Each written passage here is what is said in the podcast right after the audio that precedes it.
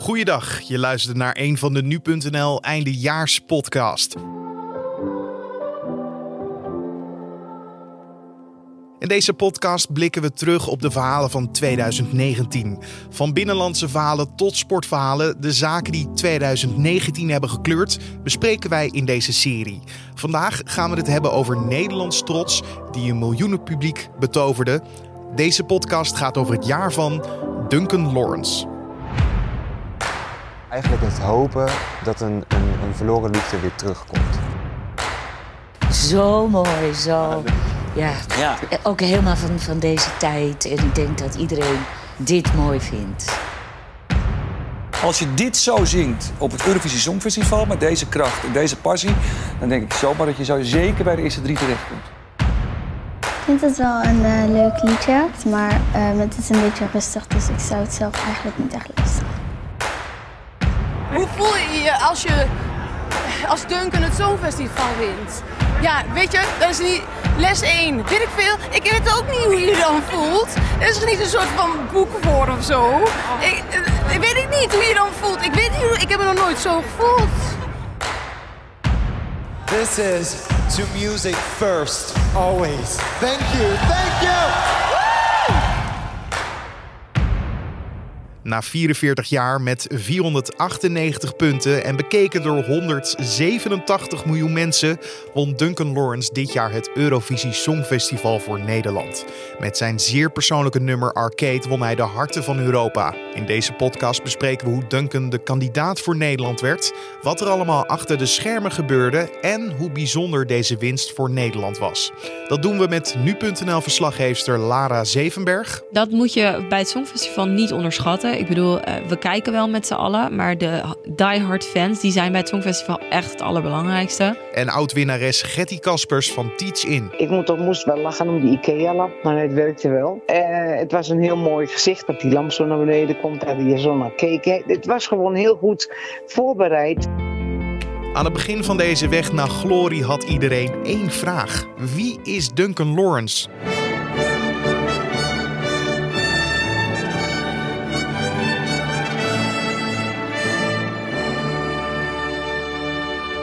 Singer-songwriter Duncan Lawrence gaat Nederland vertegenwoordigen op het Eurovisie Songfestival.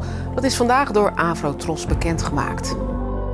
Het leven van Duncan Lawrence staat sinds gisteravond helemaal op zijn kop. Tot gisteren kende niemand me. Dat is gewoon eh, vrij overweldigend, maar het gaat heel erg goed eigenlijk. Ja, ik ben echt ontspannen. Ik kan alleen zeggen zo van de buitenkant, ja, je zag hem gewoon steeds beter worden en je zag van ja, dat gaat iets, eh, dat gaat iets eh, worden. Lara, wist jij wie Duncan was voordat hij voor Nederland naar het Songfestival ging? Nee. Nee? nee? Nee, ik denk dat een heel groot gedeelte van Nederland geen flauw idee had. En zo ik ook niet. Dan moet ik heel erg bekennen, ik ben ook geen The Voice-kijker. Dus dat helpt ook niet, want daar heeft hij aan meegedaan.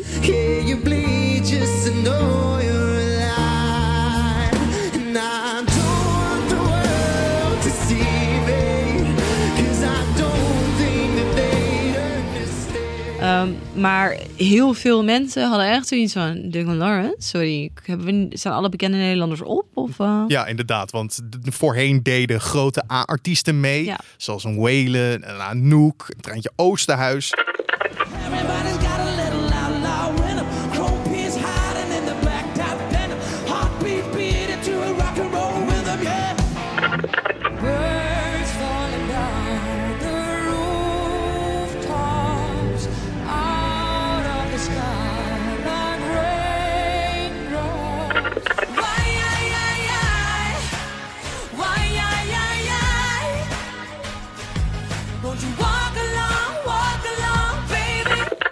Nou, voor Treintje Oosterhuis heeft het niet al te best uitgepakt. Dus op zich is het goed dat we nu iemand, eh, iemand niet bekend hebben gestuurd. Eh, maar zijn carrière voor het, eh, voor het Songfestival... Ja, daar kunnen we eigenlijk heel kort over zijn. In elk geval in het, in het openbaar wel wat festivalletjes gespeeld. Maar dat is allemaal zo klein dat je het eigenlijk niet echt kan noemen. Dus wat ik zeg, we kennen hem van The Voice. Daar is hij in het team van Ilse de Lange terechtgekomen. En zo is hij uiteindelijk ook bij het Songfestival terechtgekomen. Omdat hij Ilse kende. Ja, precies. Want Ilse was zijn coach inderdaad. En eigenlijk, die dat coachschap dat is door blijven voortduren, ook na de Voice. Ja, dat zie je vaak bij eh, Voice-deelnemers. Marco Borsato die organiseert iedere zomer organiseert hij een hele grote barbecue voor al zijn oud-deelnemers. En dat heb je met heel veel van die artiesten. Die houden toch best wel goed contact met de mensen met wie zij eh, nou ja, een goede band hebben opgebouwd in de loop van het seizoen. En dat zag je met Ilse ook. Die is Duncan toch blijven volgen. Eh, en die heeft hem uiteindelijk voorgesteld als, eh, als deelnemer. De Nederlandse selectiecommissie is verantwoordelijk voor het uitzoeken van de Nederlandse inzending. Het kleine groepje van onder andere Cornel Maas, Jan Smit en Daniel Dekker kwamen niet met A-artiesten zoals Maan of Alan Clark, maar met Duncan Lawrence. Lara, weet jij hoe ze bij Duncan kwamen? Ja, Ilse heeft hem voorgesteld. Kijk, het is, zeg maar, er wordt altijd een beetje een rondje gedaan van ja, weten jullie niet nog mensen, weten jullie niet nog nummers? Zo wordt een beetje gekeken. En er wordt gewoon een hele hoop wordt op, op een hoop gegooid. Een heleboel artiesten, een heleboel nummers. En uh, ja, Ilse die heeft toen gezegd nou, ik, ik weet misschien nog wel iets. Die heeft een stukje laten horen van wat Duncan gemaakt had. Uh, met natuurlijk met het nummer Arcade. En ja, toen waren ze eigenlijk vrijwel meteen verkocht. Nou, ik hoorde wel eens een keer in een interview, ik weet nog niet of het met Ilse was of met Duncan inderdaad, dat ze een, samen een soort Dropbox hadden, een Google Drive, waar je die dan af en toe wat inzette en dan ging Ilse het luisteren. En zo was ook een van die dingen arcade inderdaad. Nou, jij weet meer dan ik. Nou ja, ik, ik heb er goed ingelezen inderdaad. Want we kunnen wel zeggen dat Ilse dus heel belangrijk geweest is voor Duncan, maar ook voor de winst van Nederland. Ja, ze is er ook steeds bij betrokken geweest in Tel Aviv. En je moet ook niet vergeten, ik bedoel, Ilse die is het dichtst bij de winst gekomen. Uh, voorafgaand aan Duncan. Die is tweede geworden met Welen en met de Common Linnet. Uh, en daarna, ja, dan blijf je toch een beetje betrokken bij het Songfestival. Ze heeft het ook altijd heel erg leuk gevonden. Uh, dus ook in Tel Aviv was ze echt wel een beetje, ja, ze hield een beetje zijn handje vast. 21 januari was de dag dat bekend werd dat Duncan Lawrence voor Nederland naar het Eurovisie Songfestival in Tel Aviv, Israël zou gaan. De zanger wist zelf dat hij een opmerkelijke keuze was. Zo reageerde hij. De afgelopen jaren deden voor Nederland A-artiesten mee met grote naamsbekendheid. Mijn deelname bewijst dat je zomaar de kans kunt krijgen om op zo'n groot platform te laten zien wat je waard bent. En we maken dan een sprong naar maart, want toen was Duncan te gast in De Wereld Door, waar hij de wereld liet kennismaken met zijn inzending genaamd Arcade. Ja, aan tafel Cornel Maas en Duncan Lawrence, onze vertegenwoordiger op het aanstaande Songfestival. En we hebben een primeur. Ik zei het net al, we kunnen straks voor het eerst het nummer dat Duncan in Tel Aviv zal zingen laten horen. We gaan zo kijken naar de clip van Arcade. Zo heet het nummer. En het verhaal wat altijd in mijn hoofd rond is, uh, heeft gespookt was van een dierbaar persoon... wat ik op jonge leeftijd ben verloren. En uh, zo. ik heb het er altijd heel moeilijk mee gehad. Zij had een, uh, een de liefde van haar leven en die, die was er niet meer op een gegeven moment... En tot het einde heeft zij gehoopt dat hij terug zou komen. En die hoop heb ik uh, hierin gestopt.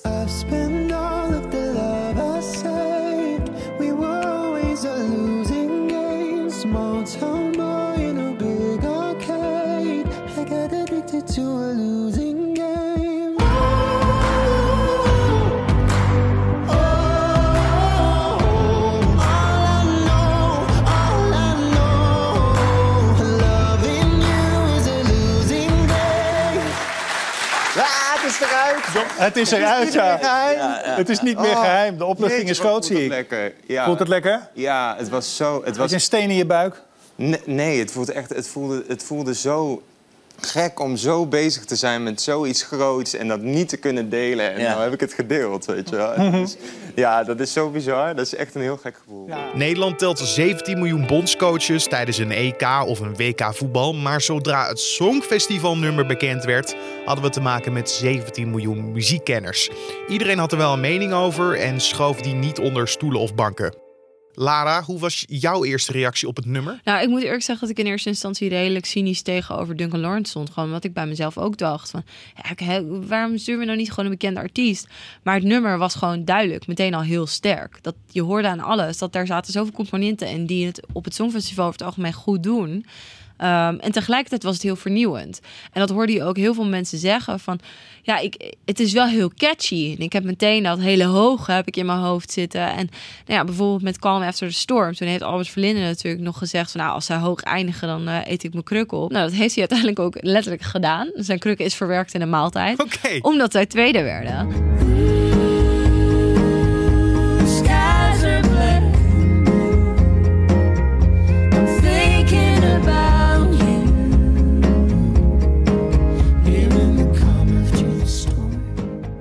Ik heb wel het gevoel dat mensen iets voorzichtiger zijn geworden sinds we, we, we merken dat er zoveel verrassingen kunnen zijn. Mhm. Maar ja, ook met Duncan was het weer, ja, maar wie is dit dan en hoezo dan? En nou ja, dat. Maar het nummer reageerde iedereen wel eigenlijk een beetje positief over. Op hè? het nummer reageerden mensen Ja. in het algemeen heel positief. Werd ook meteen veel gedraaid op de radio. Dat helpt natuurlijk ook om, eh, om een soort van stemming te creëren. Eh, ja, en ook in het buitenland eh, waren mensen echt heel erg enthousiast. En eh, was toen eigenlijk ook gewoon gelijk duidelijk van... oké, Nederland maakt een kans op die overwinning? Dat was eigenlijk vrijwel meteen, ja. De bookmakers, dat, dat, dat zijn... Nou, wij hebben het dan over de bookmakers. Dat is een combinatie van allerlei gokkantoren over de hele wereld. En die, kwamen, daar kwamen we meteen al best wel hoog in de berekeningen. Nou moet ik zeggen, we stonden er niet meteen op één. Maar dat ging wel echt heel, heel snel. Eh, ook omdat de concurrentie dit jaar, dat werd ook veel gezegd, gewoon minder sterk was. In aanloop naar het festival werd de hype steeds groter. Door bijvoorbeeld een zeer sfeervolle videoclip van Arcade. Je zag Duncan zwemmend in het water op zoek naar vasteland. Ondertussen vroegen sommigen wel af of de billen die voorbij dreven wel van Duncan waren. Duncan Lawrence, zijn billen kunnen we binnenkort zien in zijn eigen documentaire. Dat is wel heel leuk. In die documentaire zien we de behind the scenes van zijn videoclip. En in die videoclip en de behind the scenes zie je de billen van Duncan. Ik heb echt al superveel mensen hier gesproken. En die kijken er allemaal onwijs naar uit om jouw blote billen te zien. Gaan we ze zien in Israël? Nee. Ik denk dat die videoclip wel genoeg is om mijn blote billen op te zien, toch? Hij is al een paar keer op het NOS zelfs geweest, op nu.nl, op eh, overal en nergens. Dus eh, hij staat overal. Dus Confronterend je eigen billen zo terug te zien? nee. Nee. Ja, ik ben gewoon tevreden. Ik had er hard voor gesport. Ik ben er tevreden over. Want er gaat een gerucht dat het niet zijn billen zijn. Echt? Is er een Kim Kardashian-affaire Nou, een ex van die sprak ik. Oh, echt Ja, waar? serieus. Maar heeft Duncan zulke grote billen? Ik heb ze nog niet gezien. Ik krijg een enorme billengate hier. Ja, ja, Raidgate noemen we dat. Het team van Duncan heeft altijd gezegd dat het wel zijn billen zijn en twijfelaars zeggen van niet. De billengate zal nooit opgelost worden. Op hetzelfde moment zien wij ook dat Nederland bij de bookmakers op de eerste plaats staat. Alleen Lara, hoe komt dat en hoe geloofwaardig zijn deze voorspellingen? Nou ja, als je kijkt naar de, naar de afgelopen paar jaren, hebben ze er vrij zelden naast gezeten. Ik bedoel, ze, ze hebben wel wat verschillen gehad natuurlijk. Uh, maar over het algemeen kun je wel redelijk goed afgaan op die bookmakers. Uh, want die bookmakers, dat zijn ook niet, het is niet een groep mensen of zo. Het wordt gewoon gekeken naar waar mensen op wedden. Met andere woorden, daar zit ook een bepaald aantal tussen wat ook gaat stemmen. Nou. Dus daar heb je al een beetje een soort van ja, publieksidee van wat vinden we mooi en wat niet. En dat zag je dit jaar ook weer gebeuren. Australië die eindigde uh, in de, bij de boekmakers redelijk hoog. Nou, die, die werden ook, uh, ook redelijk goed ontvangen door het publiek. Hetzelfde geldt voor bijvoorbeeld Mammoet uit Italië. Die scoorde ook heel hoog. Maar je had bijvoorbeeld ook op een gegeven moment nog zo'n jongen... Ik weet even niet meer waar die vandaan kwam. Uh, maar die had allemaal, allemaal, had allemaal robotarmen. En daar waren mensen ook super enthousiast over. Die clip leek enigszins op arcade. Daarvan werd ook gezegd van nou, dat zou nog wel eens flinke concurrentie kunnen worden. En die eindigde bij de bookmakers ook heel hoog. Ja, dus dat was eigenlijk wel redelijk spot on, kan je wel zeggen, dit jaar. Zeker. Ik vond het wel grappig, want je hebt ook al die YouTube-blogs van mensen dat ze dan de nummers gaan luisteren. De eerste reactie. Dat vind ik altijd leuk om te kijken als een soort van eh, op weg naar de finale moment. Een soort uh, naartoe leven. En daarin zette iedereen eigenlijk ook al Duncan op één of twee. Dus eigenlijk bij de fans was hij ook al heel populair. Ja, en dat moet je bij het Songfestival niet onderschatten. Ik bedoel, uh, we kijken wel met z'n allen, maar de diehard fans die zijn bij het Songfestival echt het allerbelangrijkste. Uh, en dan hebben we het echt over een paar duizend mensen die ja. gewoon meteen in de wachtrij staan zodra de kaarten bekend worden gemaakt. En uh, die meteen ieder nummer luisteren zodra het mogelijk is. Ook het grootste gedeelte van de pers is daar gewoon fan. Gewoon, die willen er per se bij zijn. Die reizen de hele wereld over om maar bij dat ene moment te zijn.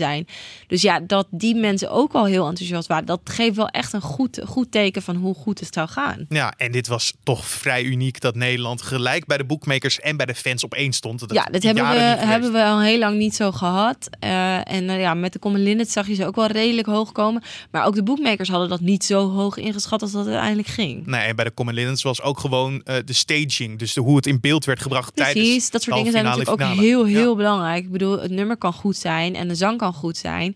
Maar als het optreden zelf in het donker valt, ja, dan onthouden mensen het niet. Dus je moet aan zoveel elementen moet je denken. Dan komt het moment dat Team Duncan eindelijk naar Israël afreist. Hij staat al wekenlang bovenaan bij de boekmakers en concurrenten schatten zijn kansen hoog in. En de Nederlandse delegatie waarschuwt dat we niet teleurgesteld moeten zijn met minder dan de eerste plaats. Kan hij deze favoriete rol waarmaken? Lara, jij deed voor nu.nl verslag in Tel Aviv. Eh, wat was jouw indruk van de spanning en een beetje de enthousiasme rond Duncan Lawrence? Nou, het was voor mij de tweede keer dat ik meeging eh, met het Songfestival. De eerste keer was in Lissabon met Welen. Het contrast kan bijna niet groter. Welen die eindigde natuurlijk, eh, nou hij eindigde niet heel laag, maar het was niet zo goed als we hoopten met z'n allen. Ehm, en je merkte bij de pers ook dat eh, de Nederlandse pers over het algemeen zijn we allemaal wel redelijk politiek correct. Allemaal een beetje oplettend van, nou, we moeten niet te fanboy worden. Maar achter de schermen merkte hij toch wel heel erg dat iedereen zoiets had maar misschien gaan we dit wel winnen, jongens. Oh, dat meen je. En iedereen was heel enthousiast over Duncan. Ook omdat, dat wil ik echt gezegd hebben. Duncan is zo'n lieve, bescheiden jongen. En dat blijft hij ook de hele tijd. Ja. En dat merkte hij ook naar ons toe, naar de pers toe.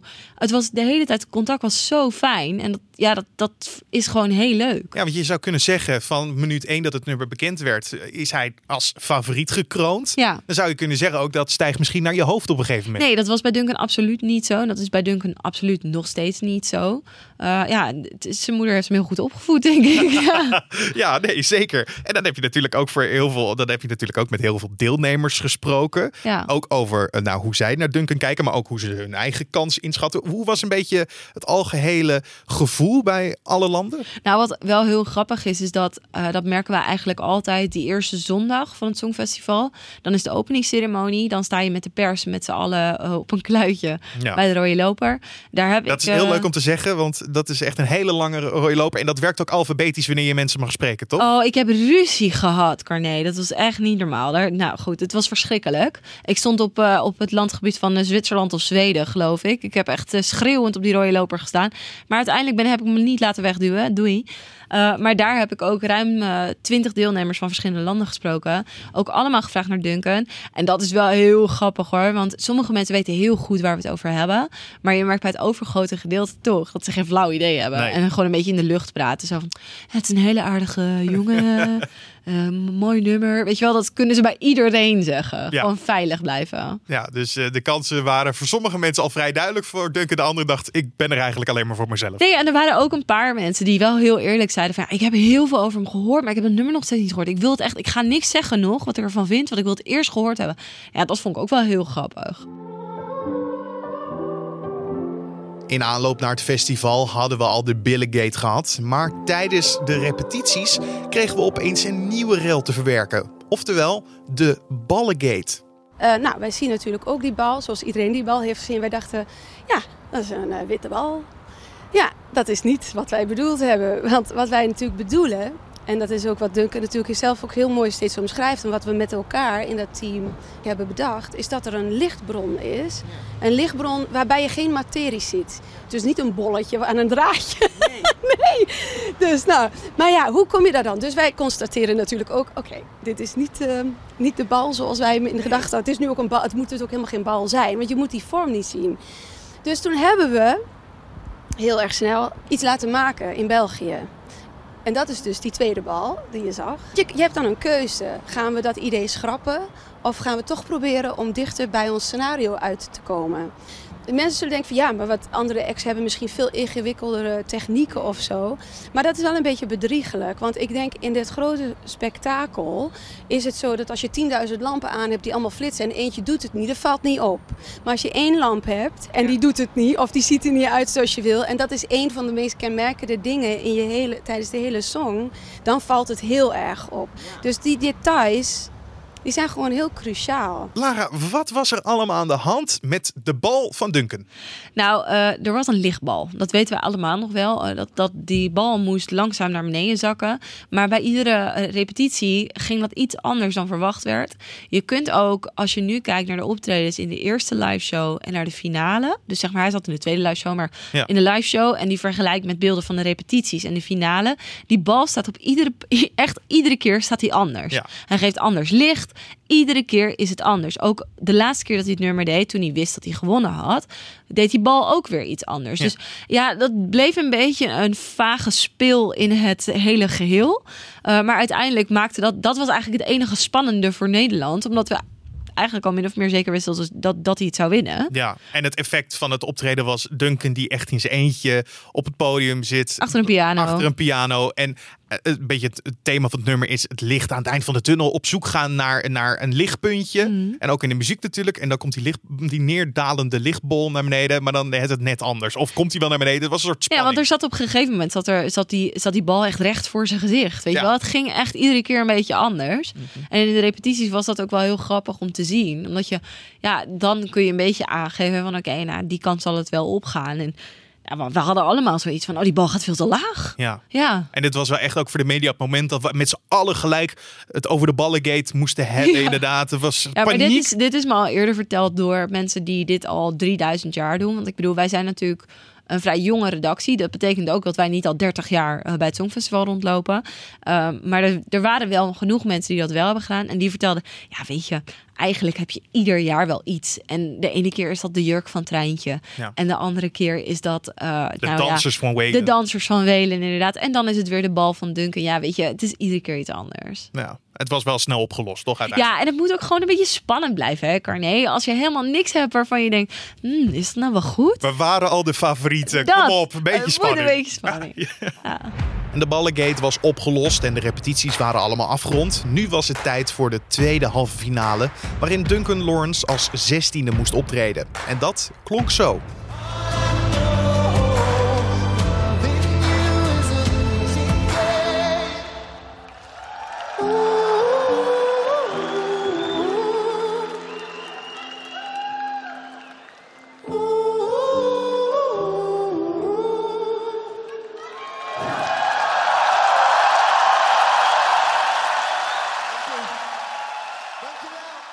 Iedereen ging ervan uit dat Nederland sowieso wel in de finale zou komen. Maar waren wij misschien al te vroeg aan het juichen?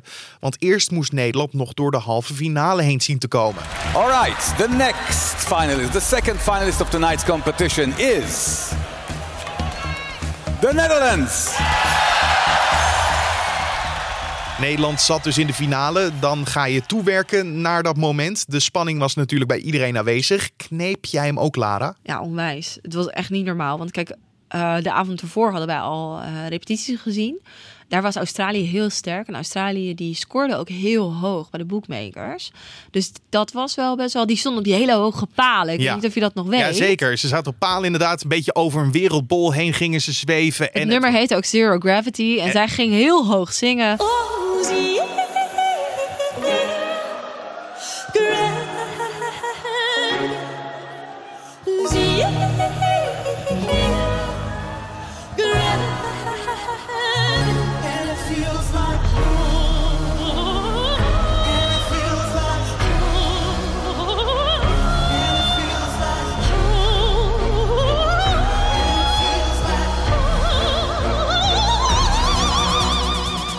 was eh, opera. Het was heel spectaculair. Ja. En nou ja, goed. En dan had je nog, eh, nog Zweden, John Lundvik. Die scoorde heel hoog.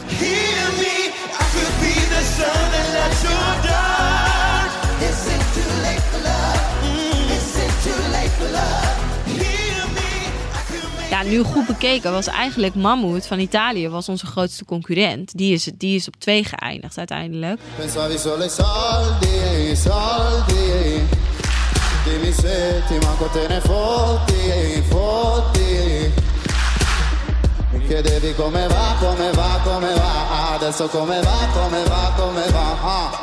Maar daar tijdens die avond, nou ja, het, die punten bleven maar komen. En wij dachten op een gegeven moment nog, ja, misschien wint Albanië wel. En je gaat door allerlei emoties. Het is echt een soort van, ja, hysterie. Ja, want om even ook die hysterie goed te duiden. Jij zat in een ruimte met alle Nederlandse pers, hè? Ja, dus wij zeiden ook tegen elkaar van... oh, zullen we dan toch naar Zweden gaan? Of oh, misschien dan toch Albanië? Weet je wel, zo. En je bent aan het inpakken in je hoofd. En ja, nou ja, goed dat we op een gegeven moment ook tegen elkaar zeiden... van nou, daar is misschien wel lekker weer. Ja, dat is dan op zich positief. Want je bent jezelf toch een beetje aan het beschermen van wat als Duncan niet wint. Ja, we hadden die favorietrol. Misschien eh, waren we te hard van stapel gaan lopen, inderdaad. Ja, dan hoop je toch, denk je toch van als ik dat muurtje toch nog een beetje opbouw, dan is de klap minder hard. En jullie werden ook de hele tijd in beeld gebracht. Hè? Van, Ja, dat hielp natuurlijk ook niet. Wij waren natuurlijk, Nederland was natuurlijk favoriet. Wij zaten met Nederlandse pers voor het grootste gedeelte bij elkaar. We hadden allemaal Nederlandse vlaggen opgehangen. Wij zaten er allemaal in spanning. En terwijl ik gewoon, ik was gewoon stukjes aan het tikken. Mijn collega Jesse was gewoon video's aan het monteren.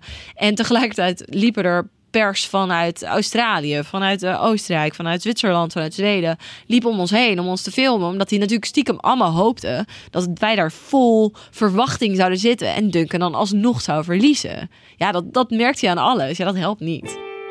En ruim 4,4 miljoen Nederlanders keken naar de finale waar Duncan het moest flikken voor Nederland.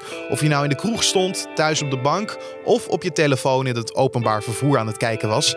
Iedereen was deel van Team Duncan. Als twaalfde was hij aan de beurt en zong hij de sterren van de hemel. Maar zou dit genoeg zijn?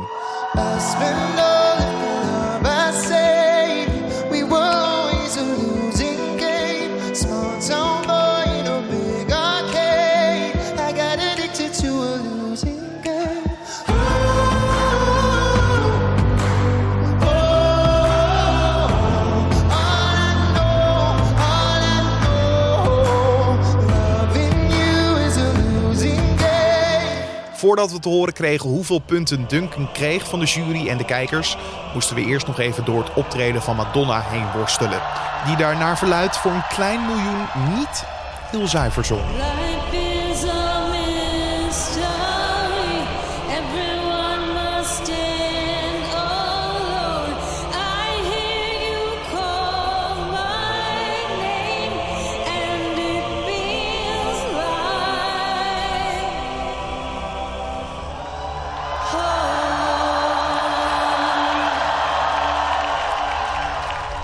Toen de trommelvliezen weer waren hersteld, kwamen daar de punten. Nederland kwam na de jurypunten en van de televoting op de eerste plek. Alleen Zweden moest ook nog zijn kijkerspunten krijgen. De camera nam beide heren in beeld. En toen kreeg de Zweedse zanger John Ludwig te horen dat hij maar 93 punten kreeg van de kijkers. Zijn gelaatsuitdrukking veranderde van hoopvol naar totale verbazing. Want dat betekende dat Nederland het Eurovisie Songfestival 2019 had gewonnen. How much points do they get from the public? 93 points. Yes! We hebben het! Het is gelukt! Het is gelukt!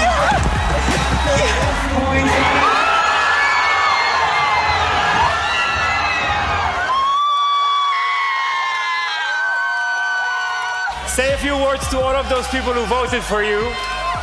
This is to dreaming big. This is to music first, always. Thank you, thank you! Iedereen reageert er natuurlijk op zijn eigen manier op. Lara, weet jij nog hoe je reageerde toen je hoorde dat Nederland de winnaar was? Nou, heel eerlijk, het was een soort waas. Ik heb later video's van mezelf teruggezien dat ik mensen eh, min of meer jankend de armen inviel. Dat ik ook dacht, nou Lara, je bent wel professioneel journalist hoor. Hou je een beetje in. Maar je moet je bedenken dat wij zitten daar eh, ruim een week met alle media. Je zit in een bubbel. Voor je gevoel is er niets anders op de wereld dan het Songfestival. Je bent met Duncan meegegroeid. Je vindt het allemaal hartstikke spannend. En die ontlading is dan zo groot. En bij mij was het ook nog, we hadden van tevoren wisten we van oké, als Duncan wint, dan moeten we naar de persconferentie. Uh, maar we mochten per media maar één iemand sturen. Dus ik ben nog met Jesse in overleg gegaan van oké, ga jij dan of ga ik dan?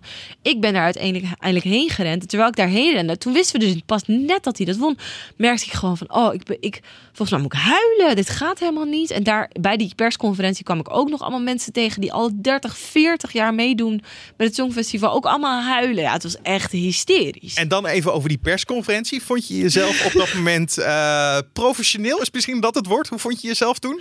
Um, nou, je moet je bedenken dat het heel, heel bijzonder was om daar te zitten. En je moet je ook bedenken dat die persconferentie werd gestreamd naar 43 landen. Er zaten in totaal ruim 100 miljoen mensen naar die livestream te kijken. Dat is geen grapje, hè? Zoveel mensen. En ik zat daar dus, ik was als een van de alle, allereerste in die ruimte aangekomen. En ik dacht alleen maar, ik moet voorin gaan zitten en ik moet een vraag stellen. Je moet een vraag stellen. Maar ik ben eigenlijk niet iemand die dit soort momenten goed aanpakt. Ik ben hartstikke nerveus en dat zou niet mogen als journalist, maar dat ben ik wel. En toen had ik gelukkig van tevoren, want dit, dit heb ik nog nooit verteld, had ik een babbeltje met een van de presentatoren van de persconferentie. Want die zei tegen mij, ben jij Nederlands? Ik zeg, ja, ja. Ja, hoe spreek ik dit uit? Dus ik hielp hem met iets uitspreken. En daardoor, toen ze zeiden van wie heeft er vragen, nou, toen ging het eerst een Engelstalig persoon.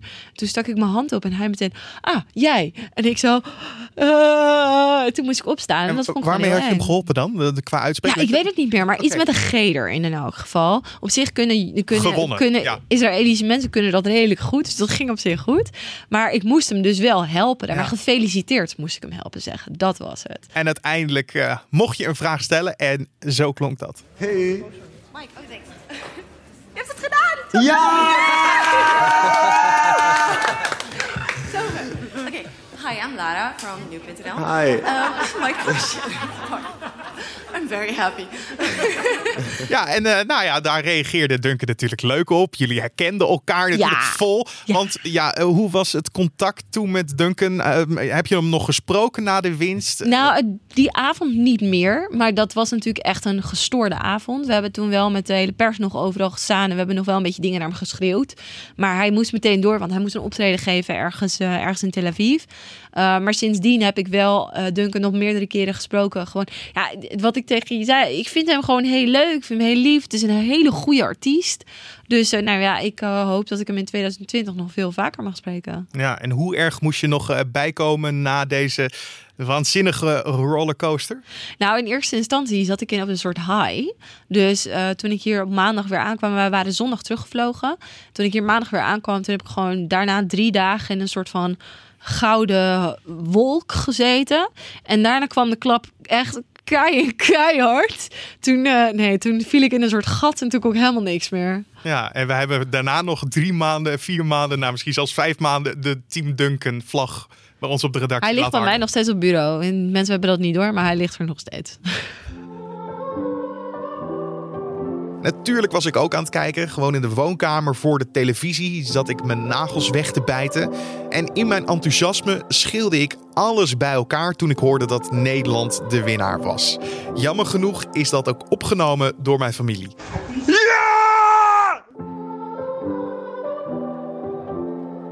En toen ik klaar was met schreeuwen en gelijk wat rustiger was, dacht ik: hey, dit moet ik vieren. Dus toen kocht ik gelijk een kaartje voor een optreden van Duncan Lawrence. Ik wilde namelijk de overwinning gelijk met hem vieren. Nederland was dus na 44 jaar weer de winnaar van het Eurovisie Songfestival. Hoe kijkt de vorige winnares terug op de winst van Duncan Lawrence? Ik belde met Getty Kaspers, die in 1975 het Songfestival won met Teach In met het altijd zo vrolijke Dingedong. Ding-a-dong,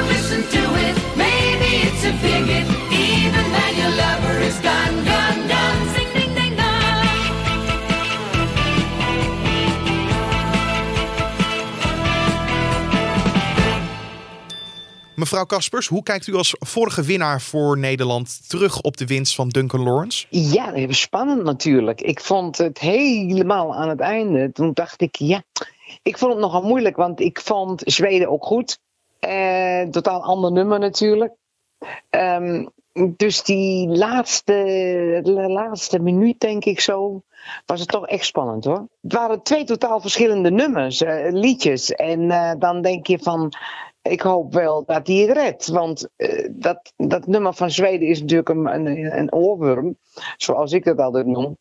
Maar uh, Duncan, dat was heel apart. Het was gewoon een, een, een, zo'n apart stuk dat je zegt van nou, het is erop of eronder. Hè? Ja, want de eerste keer toen u Arcade hoorde, wat, wat dacht u toen? Ik moest er wel aan wennen. Dat, dat is nog een keer zo. Je moet een liedje een paar keer horen.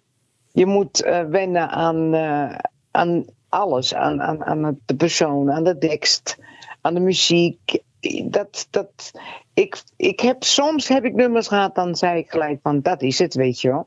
Lorraine bijvoorbeeld, dat hoefde maar, je hoefde dat maar één keer te horen, dan wist je gewoon, nou die gaat gewoon winnen, klaar. Ja, die won een aantal jaar geleden met Euphoria inderdaad.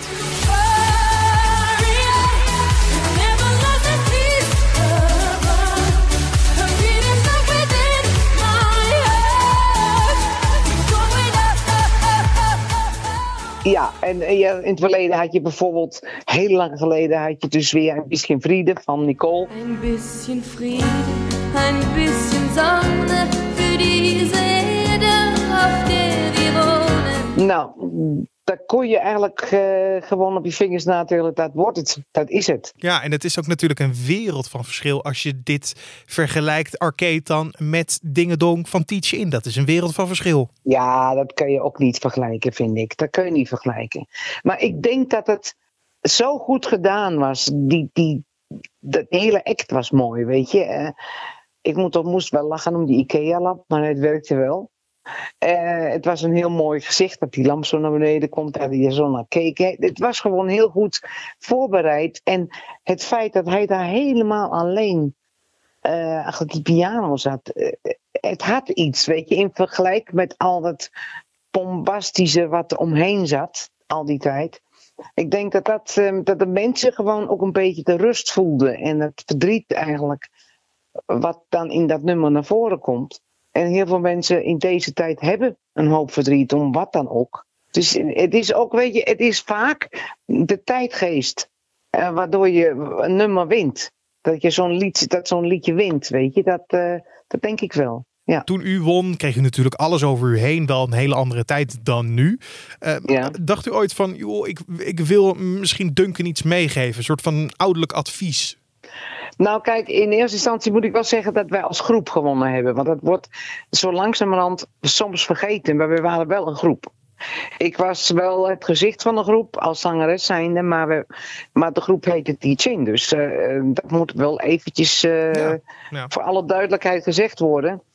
Maar weet je, ik, ik heb Duncan wel eh, ontmoet ehm, daarna. Maar ik hoef deze jongen niks te vertellen. Kijk, hij is een hele goede muzikus. En ik vind het alleen jammer dat we hem te weinig hebben gezien dit jaar in Nederland. Natuurlijk won Nederland niet alleen de titel en de felbegeerde beker, maar ook dat we in 2020 het festival mogen organiseren. Na een strijd tussen Maastricht en Rotterdam kreeg uiteindelijk Rotterdam dit evenement. My name is Duncan Lawrence. Welcome to the Netherlands. Welcome to Rotterdam. En Lara, daar ben je natuurlijk weer bij aanwezig voor nu.nl. Wat verwacht jij ervan? Als ik heel, heel eerlijk ben, had ik verwacht dat het nu al keihard zou gaan. Omdat vorig jaar hebben we in januari gehoord dat Duncan zou gaan. Dus ik dacht, nou ja, in december zal het wel, wel gaan lopen. Uh, nou had ik de pech dat ik uh, in het buitenland zat, ook voor werk, uh, toen de presentatoren bekendgemaakt werden. Dus die vlaag heb ik een beetje gemist, wat ik Ja. toch wel heel jammer vond. Jan Smit, Etcilia Romli en Chantal, Chantal Jansen, inderdaad, ja. Ehm, en ja, in 2020, ik bedoel, ze gaan natuurlijk nog veel meer laten zien van wat ze eh, willen gaan doen in Ahoy. Deze week is eh bekendgemaakt dat eh, een van de eerste artiesten en nummers is al bekendgemaakt. Volgens mij is dat Albanië die eh, dit al hebben aangekondigd. Dus we weten nu al in elk geval één nummer wat op dat eh, Rotterdamse podium terechtkomt. Nou, laten we even luisteren naar de concurrenten.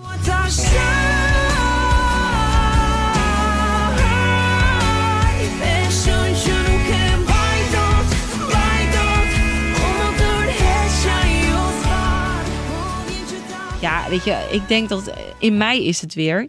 Ehm, je zult op nu.nl heel, heel veel voorbij gaan zien komen. Ehm, ik verwacht ook nog wel wat specials hier en daar. Want eh, ik zit hier volop. En dan zijn we aan het eind gekomen van deze podcast. En deze podcast werd je aangeboden door nu.nl en is onderdeel van een eindejaarsreeks. De andere afleveringen van deze reeks kun je vinden op nu.nl en in de Dit wordt het nieuws podcast feed van je favoriete podcast app. Speciale dank aan nu.nl verslaggeefster Lara Zevenberg en oud-winnares Getty Kaspers. Mijn naam is Carne van Brink en dank voor het luisteren.